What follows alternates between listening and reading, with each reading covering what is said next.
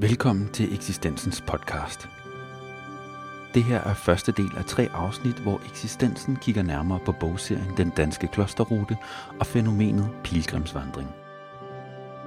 I løbet af alle tre afsnit tager vi en tur til Roskilde for at kigge på nogle af de kultursteder, klosterruten kommer forbi på sin ca. 2.300 km lange tur rundt i Danmark. Vi taler med en domprovst, en pilgrimspræst, en vandrer, en klosterforvalter og selvfølgelig med manden bag klosterrutebøgerne og medstifter af foreningen Den Danske Klosterrute, Jens Christian Krav. I 2017 kunne foreningen Den Danske Klosterrute fejre 10 års jubilæum med en jubilæumsvandring, og samtidig er det 8. og 9. bind i serien udkommet. Vi tog en snak med idemanden bag og forfatter til syv af klosterrutebøgerne, Jens Christian Graup. Øh, folk tror jo, at jeg er jo en vældig vandresport, eller har været en vældig vandresportsmand øh, igennem mit liv. Det har jeg faktisk ikke. Da jeg gik i gymnasiet, havde jeg sammen med nogle gymnasievenner det stiftet foreningen Bevægelsesøkonomisk Forening, for vi var død trætte af alt de der sportshysteri, vi fandt øh, på øh, nogle af gymnasierne, øh, Øh, og på Stenhus, hvor jeg også har gået på gået i gymnasiet. Så øh, det har ikke interesseret mig særlig meget med, med den slags udfoldelser. Men øh, det har en anden vej. Der er en anden vej til, til den interesse. Øh, det er begrebet kloster og middelalder, som jo i høj grad er i centrum i de bøger, der er udkommet inden for den danske klosterrute. Jens Christian Krav er kendt med i tysk og kristendomskundskab. Siden 1970 har Lykum Kloster været omdrejningspunkt for Jens Christian Kravs arbejdsliv. Først som højskoleforstander, senere som lektor ved Præstehøjskolen og rektor for Folkekirkens Pædagogiske Institut, og siden sin pension i 1996 har han dedikeret sin tid til at udleve en drøm. En drøm, som løbende skulle udvikle sig til et landsdækkende projekt. De mange år ved og omkring Løven Kloster blev netop udgangspunkt for udviklingen af klosterruten. Og så, når man så går der i disse pragtfulde arkitekturomgivelser, som jeg har gjort det, så begynder man at spørge sig selv, hvad er det egentlig, der har gjort, at sådan en halsnæs munke tilbragte livet i middelalderen med at bo der, indespærre sig selv sådan set i et øh, kollektivt landbrug, der var afskærmet mod omverdenen. Og hvordan kan det være, at de bygger en domkirke, stor kirke til deres kapel, til deres øh, tidebønder og deres gudstjenester. Der er en eller anden særlig dynamik, der er en eller anden kraft, der ligger bagved det, som man jo nu i dag, i de senere år, vil kalde en spir- særlig spiritualitet. Altså en åndelighed. Der er et eller andet, øh, en eller anden åndelig bevidsthed bag ved al den fysiske udfoldelse, de har haft også som praktikere og landmænd og, stuelærte. Øh, hvad er det, hvad er det der, der er udgangspunktet? Og det er jo altså dette, som vi jo alle sammen søger at få mening med vores liv at der er en, øh, en åndelig mening med livet. Og det drejer sig om at få forenet, skal vi sige, det fysiske og det åndelige, øh, til et, så vi bliver helstøbte mennesker. Altså, jeg er ikke munk, jeg har aldrig ønsket at være det, og kunne ikke drømme om at ville blive det, men øh, det er denne stræbsomhed, dette med at koncentrere sig om de væsentligste ting i tilværelsen. Og det det gjorde munkene så ved at forsage alle øh, verdens fornøjelser og lyksaligheder og familieliv. Og også samfundslivet sådan set. Og øh, nede i Lykken Kloster i, er der en del af den gamle østlige klosterfløj tilbage. Og øh, i gulvet der har man fundet begravelser. Der er begravet et par abbeder, der er navngivet. Og øh, hvorfor ligger de der fra andre klostre? Ja, det kunne meget vel tænkes at være folk, som er blevet sendt ud fra det ene kloster til det andet for at inspicere hinanden. Man var meget stramt organiseret i cisterciensordenen. Et kloster, der grundlagde et søsterkloster eller datterkloster, øh, de skulle sørge for, at aflæggeren opfører sig ordentligt i forhold til de fælles regler, der galt. På den måde var man sådan inde i et visitationssystem med hinanden. Det vil sige, at munke fra de enkelte kloster og deres ledere har, har vandret fra kloster til kloster. Hats, Sorø og Løvenkloster. Mm. Der var forbindelsen. Og så drømmen om, ideen om, drømmen om at, gå den tur en gang, eller lave en rute, vandrerute på samme måde, som munken har gået der i sin tid. Det var sådan set udgangspunktet.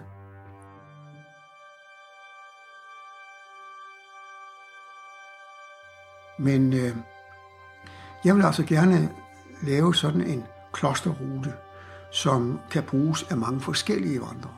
Dem, der vil skynde sig afsted, ja, de kan så gøre det. Jeg synes bare ikke, de burde gøre det, men det, det kan de gøre. Øh, sådan at der er en, sådan en stribe op igennem hele Danmark, hvor man kan gå og øh, med, have udgangspunkt i historien, i middelalderen, og øh, i det, den, det kultur, de kulturminder, der er undervejs, og også inddraget besigtigelse af moderne kunst, eller museer, eller øh, interessante bygningsværker, undervejs også af mere moderne karakter.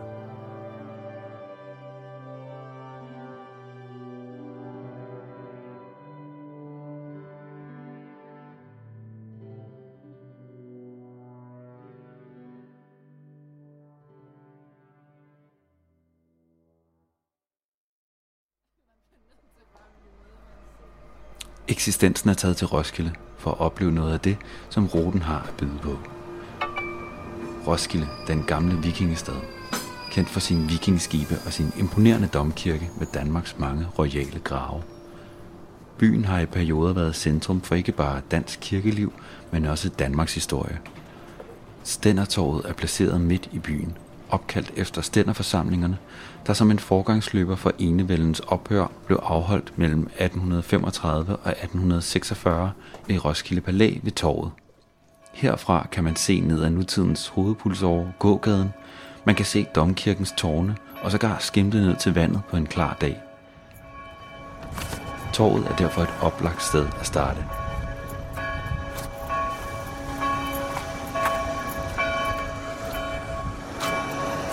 Vi er nu på vej hen i det nordøstlige hjørne af Stændertorvet. Når man kommer hen i det hjørne, så kan man se, se, en, øh, se en stor gul bygning. Roskilde Palæ. Anlæggets øh, egentlige navn er det kongelige palæ. Det blev opført i 1730'erne i ren barokstil. Men på hjørnet Stændertorvet over mod Roskilde Palæ, der kan man se en statue af to nøgne mænd. Den ene står klar til at trække en kniv, og den anden holder ham på skulderen. Statuen den er fra 1939 og øh, forestiller øh, de to savnkonger, Ore og Helge, Den er inspireret af Adam Oehlenschlägers digt Helge fra 1814. Brødrene Roer og Helge er savnhistoriske skikkelser, som middelaldertraditionen knytter til Roskildes grundlæggelse. De blev begge konger i Danmark. Den krigeriske Helge reagerede til vands, mens den milde og fredsøgende roer til lands. I traditionen der udlægger man navnet Roskilde som Roers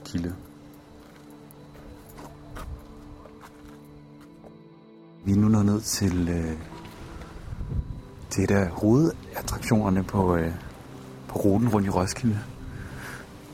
Roskilde Domkirke. Og vi er på vej hen for at snakke lidt med domprost i Domkirken, anne Sofie Christiansen, som øh, skal fortælle os øh, lidt om kirken og måske lidt om øh, de forskellige kilder i Roskilde.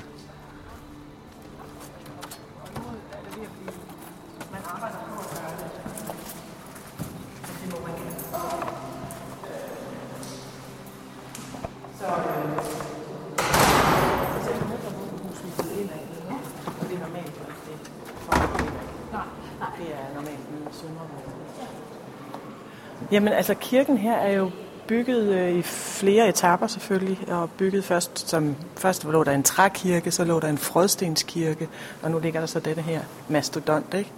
som er bygget af, af teglsten. Og jeg ved ikke, om I kan forestille jer, når man kommer op mod kirken og har øh, der har ligget alle de der små jordklinede huse. Jeg tænker altid på det, når jeg går op i Provstemarken hernede, som jo er et fredet område. Jeg er sikker på, at der er kommet mange mennesker gående op.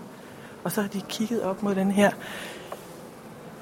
bygning, altså som man havde jo aldrig set noget lignende med mursten øh, bygget på det tidspunkt. Altså øh, det, er helt, det er helt vildt, og det er jo en af de grunde til, at den er på UNESCO's øh, verdensarvsliste.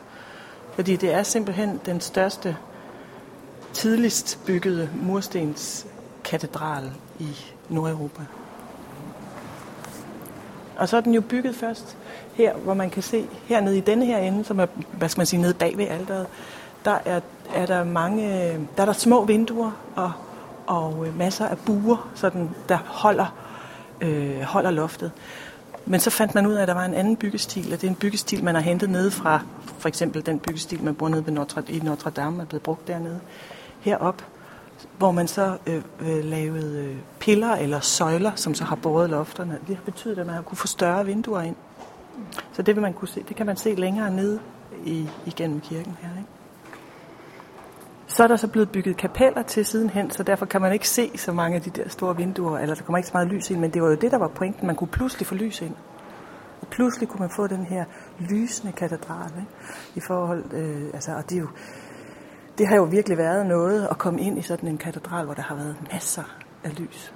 For det havde man ikke ellers. Men noget af det, som er kendetegnet ved Roskilde Domkirke, er, at den har de her kapeller, og, de, og kapellerne er bygget i forskellige stilarter. Så man kan faktisk se forskellige arkitekturperioder eller stilarter hele vejen fra middelalderen og op. Og det sidste, man ender med forløbet, det er jo Brandes-kapellet her. man har, det har altid været store kunstnere, der har været herinde. Så vi har en unik kunstsamling, kan man sige, og arkitektonisk historie tegnet igennem kapellerne. Øh, og igennem, altså igennem gravmonumenterne. Og, øh, og det, er, det er ret unikt, at det er samlet under samme tag, kan man sige. Mm. Ja. Men det kan være, at vi skal gå ned mod noget af det Brandes ligesom har... Så kan du øh, ja, måske fortælle lidt om det. Ja, det blev, øh, det blev øh, lavet i 2010. Og, og øh, Brandes fik lov til at, at lave det her, hvad hedder det, udsmykke det her kapel, som er jo et gammelt kapel fra 1100 og et eller andet, eller kalkmalerierne er fra 1100 og, jeg tror 30'erne eller sådan noget. Og øh, det hedder Sankt Andreas kapellet, fordi øh, det har jo været den her øh, martyr, Andreas, Sankt Andreas, som øh, blev, blev øh, korsfæstet på det her særlige kors med et billede af herinde. Øh, og han fik så lov til at, at udsmykke det her. Og det synes jeg, altså jeg har, synes, han har gjort det fabelagtigt smukt, og det er blevet til en kirke. Det er blevet til en kirke i kirken. For der er alt her. Der er alter, der er orgel, der er døbefond, og der er stole til at sidde på. Så man kan simpelthen holde gudstjeneste herinde, og det bliver brugt som gudstjenesterum. Vi holder også dåb herinde nogle gange, og hvilelser. Øh, små, mindre tjenester, ikke? Altså, det er at, øh, simpelthen en, en kirke i kirken. Og øh, jeg synes, det, det, det fortæller det fortæller simpelthen, øh, ja, det fortæller jo historien om Kristus fra ende til anden. Altså det begynder med det lille barn deroppe, som er i svøb. Øh, og det er selvfølgelig afbildet over for Jomfru Maria, der sidder der med, øh, med, med den lille Jesus på, bar, på, på armen. Ikke? Og så her har vi så øh, jo korsfæstelsen selvfølgelig.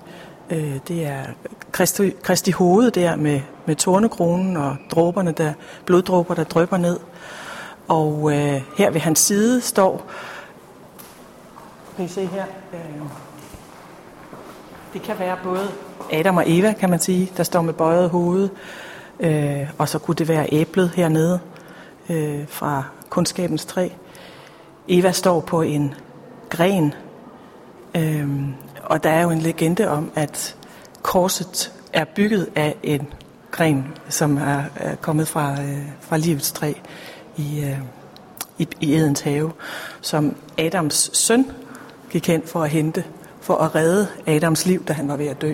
Men Adam nåede så at dø, og så begravede man Adam, og så begravede, man, så begravede de så, øh, siger legenden, denne her kvist, som han så havde brækket af livets træ under Adams hoved, og så voksede det op.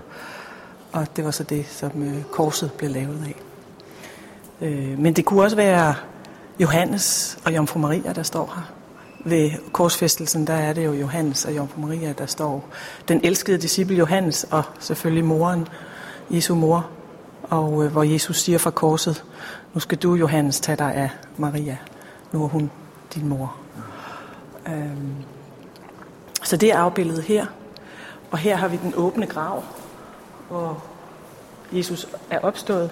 Man kan se, at han ligger, og så kan man se klædet der, som sådan er oprejst. Så det er den der historie om, at han står op fra de døde.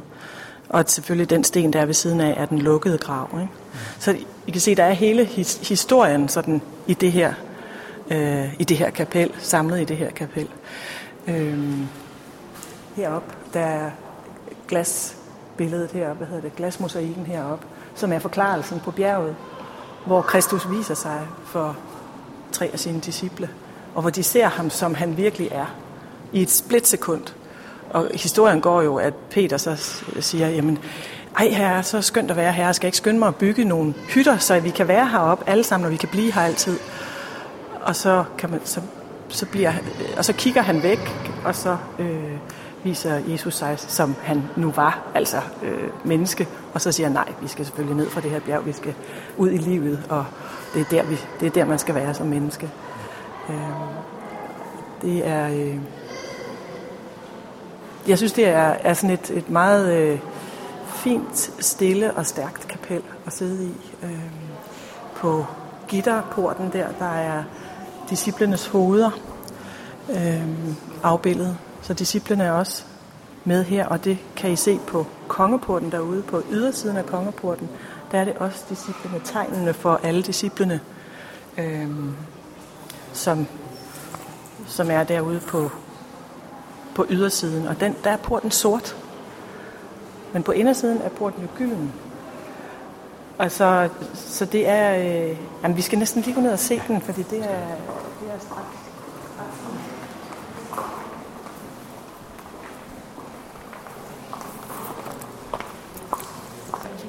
Den her port, det er så... Øh, det er Emmausvandringen, der er afbildet her. Og øh, det er jo fortællingen om, at der er to disciple, efter Jesus er blevet korsfæstet, og efter at de har hørt rygtet om, at han er opstået fra de døde, så er der to disciple, der siger, nu, det er simpelthen for vildt det her, så skynder de sig væk ud af Jerusalem. Altså, de har formentlig været totalt forvirret og ikke vidst, hvad de skulle, så de er afsted på vej til Emmaus. Og der møder de en fremmed, som følger med dem og spørger, hvad, hvad er det dog? Og de fortæller om alt det, der er sket, og, og de snakker med ham hele vejen. Og til sidst, da dagen går på held, så beder de om, at han bliver hos dem og spiser sammen med dem. Og det gør han så. Og så da han bryder brødet, så kan de se, at det er Jesus, at det er ham, der har fulgt dem hele vejen. Og så skynder de sig tilbage til Jerusalem og fortæller disciplene, de øvrige disciple om, hvad de har oplevet. Og det er simpelthen det, der er afbildet her. Altså, Jesus afbildet der som sådan både både kan man se ham, og så kan man alligevel ikke se ham. Hvis I kan se, at der er sådan et ansigt, og så er der alligevel noget, som slører ansigtet og hans fremtoning. Og så disciplene, de to hoveder, der er bøjet. Det er meget typisk for Brandes, han har de der hoveder, som hælder nedad, eller som bukker sig i ydmyghed, eller øh, hvad det, hvad det nu kan være symbol på. Og så brødet dernede. Og rundt omkring er der akser, øh, akser, hvad hedder det, kornaks hedder det. Øh, kornaks øh, afbildet rundt på hele, på hele øh, porten der. Og den er jo øh, gylden herinde, fordi den, det er alderet også. Så når du sidder og ser det gyldne alter deroppe, så vender du dig om, og så kigger du ned på den gyldne port, og så åbner porten ud til livet, kan du sige. Ikke? Og, og det er jo også fortællingen af, at Emmaus fortællingen er jo fortællingen om, at Jesus går med os. Og det er jo så også afbildet på porten. Jesus går med os ud i livet. Ja. Og på den anden side er det så disciplene, og det kan I se, når I går udenfor. Den, den er mørk, og øh, næsten sort, porten. Og så er det de her disciple, som man måske kunne sige, tager imod og siger, kom her ind og hør den fortælling, som vi har hørt, eller hørt om det, som, se det, som vi har oplevet. Ikke? Så det er den her invitation til at komme ind, og så når man går ud, så er det fortællingen om, at Gud er med dig. Der, der har jo været en flot kongeport engang, men den solgte man, og den er nu inde i Holmens Kirke. Og så har man haft en midlertid i mange, mange, mange, mange år. Og nu har man så der i 2010 altså fået den her meget, meget fornemme kongeport. Og kongeporten hedder jo kongeporten, fordi det er her, kongen kommer ind. Eller i vores tilfælde jo dronningen. Så vi må gerne gå ud af kongeporten, men man må ikke gå ind af kongeporten. Mm. Man kan sige, at man har jo også bedt Bjørn Nørgaard øh, om at... Øh, han er jo ved at lave det der gravmæle for, den, for vores nuværende dronning og, og, og øh, prins Henrik. Ikke? Øh, det er jo også en af de øh, store kunstnere, vi har herhjemme som jo sjovt nok også har lavet kirkekunst, selvom han ikke har været særlig kirkelig, hvis man kan sige det på den måde egentlig, i sin tilgang til tingene. Men det er fordi, de er så smadret gode, de der kunstnere, til simpelthen at få symbolerne til at, at virke og øh, sætte det ind i en sammenhæng, så vi andre vi kan blive helt henført over, øh, over de historier, de kan fortælle med deres, øh, med deres kunst. Mm. Han sagde i øvrigt en sjov ting, da han var at fortælle Bjørn Nørgaard om, om det her gravmæle. Han sagde, at hvis man kigger rundt så i, i kapellerne, så er de jo meget store, nogle af de tidlige gravmonumenter. Virkelig, virkelig store bestande, og her hviler en stor konge osv. Og, så videre. og så hvis man kører rundt, så, så bliver de mindre og mindre, og til sidst så er de faktisk helt minimalistiske. Kåre Klints kiste til øh, Christian 10. mener jeg det er, og, og, øh, og Alexandrine. De er helt minimalistiske. Og så er der så Frederik, den 9. dronning Ingrid, der er rykket udenfor. Helt ud, ikke også? Og nu rykker de så ind igen. Så det er, at man kan simpelthen se øh, altså historien tegne sig mm. i den måde også. Ja.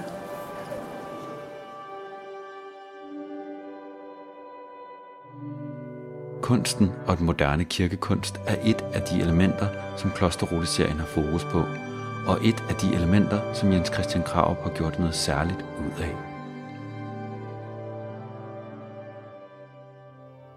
Øh, ja, altså det bliver jo ikke mindst, at jeg har lavet nogle tekstbokse, som øh, går i dybden med fortolkning af et bestemt kunstværk, eller med en beskrivelse af det, der karakteriserer den pågældende kunstners arbejde som helhed.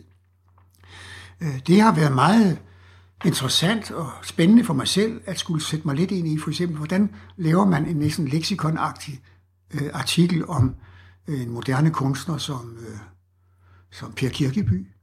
Øh, kan jeg, jeg må slå op i fag, fagbøger og, og håndbøger og læse en del ting, for at få lavet et koncentrat måske på en 30-40 linjer til at komme ind i bogen. Og der er jeg selvfølgelig også ivrig for at, at øh, fremdrage noget af det, som blandt andet fremgår af Kirkeborg, Kirkebys egne bemærkninger. altså den spirituelle dimension, den er helt oplagt hos ham. Men han skal jo ikke gøres mere kristelig, end han er. Det vil han ikke fordrage. Han skal ikke, han vil ikke hæftes et eller andet på, ideologisk eller religiøst. Men han er et religiøst menneske, det er der ingen tvivl om. Selvom man måske ikke vil kalde sig det direkte. Øh, det er altså nerven hos, i det, hos i det pågældende kunstværk og hos den pågældende kunstner. Det drejer sig om at gøre opmærksom på, hvad berettiger netop til, at dette kunstværk kommer med i bogens beskrivelse, og ikke en række andre kunstværker. Eller ændre kontakt med, med kirkeliv og, og kristendom i Danmark, så er han i stand til at kaste et lys ind over den religiøse verden, og også at, kan, at, at bringe et lys ind fra den almindelige værtslige omverden der, det samles så i et kunstværk. Det kan godt være, at et kunstværk ikke på samme måde fremtræder som et kristent spirituelt kunstværk, hvis det var set i en helt anden sammenhæng. Men ved, at det nu er anbragt i en kirke, eller står på en kirkegård som et monument øh, til udsmykning eller som gravmonument, så er det sat ind i en ramme, der er med til at fortolke indholdet af kunstværket. Øh, Øh, jeg er meget bevidst om, at man skal ikke gøre vold mod kunstværker. Man skal ikke overfortolke, eller over, gøre dem overfromme. Fordi det er, ikke, det er ikke sikkert, at de kan holde til det. Men, øh, men det skal være nøgternt, men alligevel sådan, der sprækker ind til en højere virkelighed. Det udtryk sprække ind til en virkelighed, en højere virkelighed, det er noget, som jeg har lært af Hein Heinsen, hvor han taler om sprækker øh, i sine kunstværker. Der, der kommer ligesom en anden verden ind, den baner så vej ind til mig.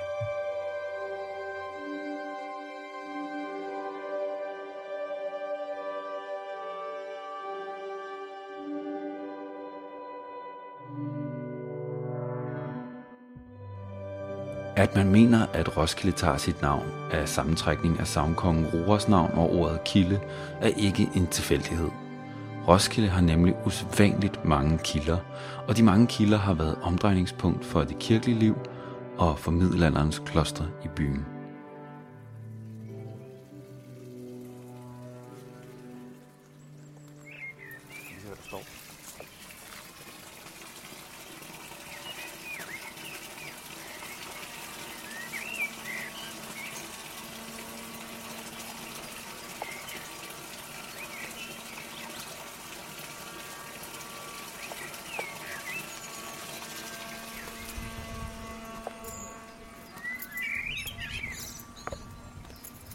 Vi går nu på det, der hedder Tuttestien, som er en sti, der løber fra Roskilde Domkirke ned til Bybakken og længere ned mod havnen. Og her kommer vi forbi en af Roskildes mange kilder, Sankt Hans Kilde. Sankt Hans Kilde var en helligkilde, som er navngivet efter Johannes Døberen. I 1834 fik den sin nuværende, sin nuværende udseende og i 1835 blev den 11 meter dybe kildebrønd udgravet. Her blev der fundet talrige potteskår og to næsten hele lærkander fra dengang de syge søgte kilden for at drikke af den og få helbredelse. Ja, altså, øh, man har formentlig tænkt, at der var noget magi i det. Der er også noget, hvad skal man sige, god fornuft i det, for hvis det var en syg, der drak af det, så var det måske meget godt, at der ikke var en anden, der kom til at drikke af det. Men altså, tanken var jo, at man skulle drikke af det, denne her hellige kilde, Sankt Hans kilde, og det skulle man jo så gøre Sankt Hans aften. Og, øh, og der skulle man så drikke af et, et lertøj, som var helt nyt og ubrugt. Og når man så havde drukket af det, så skulle man slå det i stykker. Jeg læste også lige, at hvis man, hvis man så skulle bringe noget vand med hjem, det kunne man også godt, og behøvede ikke at drikke det der, men kunne bringe det hjem til nogen, som var syge, så skulle, måtte man ikke sige noget hele vejen, mens man bragte det hjem. Og det måtte heller ikke komme under tag, for så ville det miste sin magi. Så der, altså, så, så der er den der tanke om, at man virkelig har kunne blive helbredt ikke? Øh, ved at, at komme, komme i nærheden af de her kilder og drikke det her vand. Og dem har der været masser af i Roskilde. Øhm, rektorkilden, som ligger hernede, der kunne jeg forstå, at den var meget god, når man skulle lave snaps. Så, og det var så rektors kilde. Ja, den er så også heddet Kirstens kilde på et tidspunkt, fordi den, der var en rektor, der havde et barnbarn, der hed Kirsten, men siden er den jo altid blevet kaldt rektorkilden. Men åbenbart meget god til det med at lave snaps. Så altså, de har haft forskellige, hvad skal man sige, øh, for formål, eller forskellige slags magi, eller sådan noget. Øh, ja. men, øh, men godt vand har det været. Øh, men var det også, og Holger Drachmann, når han var her, så skulle han have vand bragt fra Kolosterkilden. Ja. Det fortæller så, at hans pige, den pige, han sendte ud, hun, hun gad ikke at gå helt til Klosterkilden, så hun gik vist kun til, til kilden hernede, Sankt Hans Kilde eller et eller andet. Hun gik et, i hvert fald ikke til Klosterkilden, så han, øh, han fik ikke det, han ville have. Men ja, så masser af kilder har der været. Og er der i dag også. Altså de springer, man kan se dem, hvis man går ned i Folkeparken og, og Byparken og sådan noget, så springer de her rundt.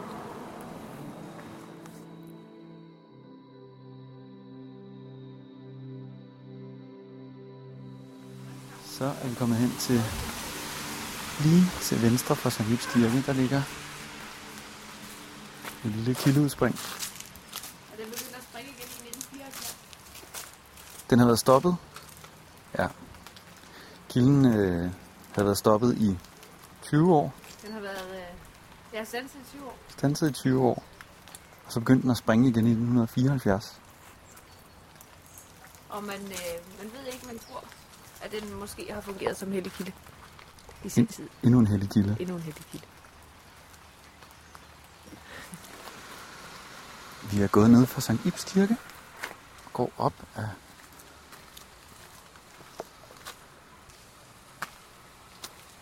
Hvad er det, den her vej hedder? Øh, det hedder Frederiksborgvej.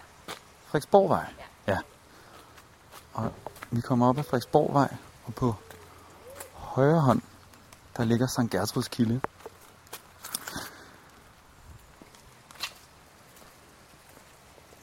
Som også fungerer som en ønskebrønd, man kan smide mønter i, hvis man har lyst.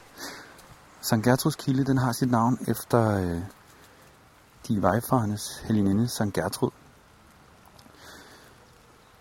Kilden har skiftet udseende flere gange. I 1934 der blev kildebrønden lukket til, fordi der ikke kom mere vand op. Men i 1974 der led den op igen, og øh, der kom så meget vand op, at kilden simpelthen kunne reetableres i 1986 i en moderne udformning. Sankt Gertrud hun var datter af den franske kongeslægt kavlingernes stamfar Pippin den første, og levede fra 626 til 659. Hun gik i kloster og tog sig særligt af vejfarende og fattige, og hun blev derfor skytshelgen for folk på rejse. Der blev rejst mange øh, St. Gertruds kapeller, og ved vejene blev der også opstillet mange statuer af hende. Meningen øh, glansen er gået af St. Gertrud kommer af, at, man, øh, at mange af statuernes farver forsvandt på grund af vind og vejr. Og efter reformationen, der blev statuerne heller ikke længere vedligeholdt.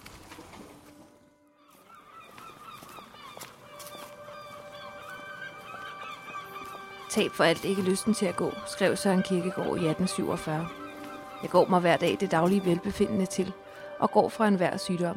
Jeg har gået mig mine bedste tanker til, og jeg kender ingen tanke så tung, at man jo ikke kan gå fra den. Når man således bliver ved at gå, så går det nok.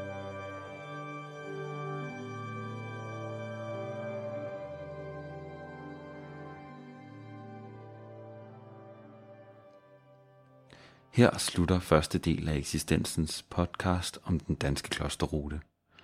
I næste del tager vi et kig på fænomenet vandring og pilgrimsvandring. Vi fortsætter vores tur rundt i Roskilde, og vi snakker med en vandrer og en pilgrimspræst om den religiøse dimension i vandringen. Alle ni bøger i vandreguideserien Den Danske Klosterrute kan fås på eksistensens hjemmeside eksistensen.dk, hvor du også finder andre udgivelser om pilgrimsvandring. Foreningen Den Danske Klosterrute har også sin egen hjemmeside klosterruten.dk.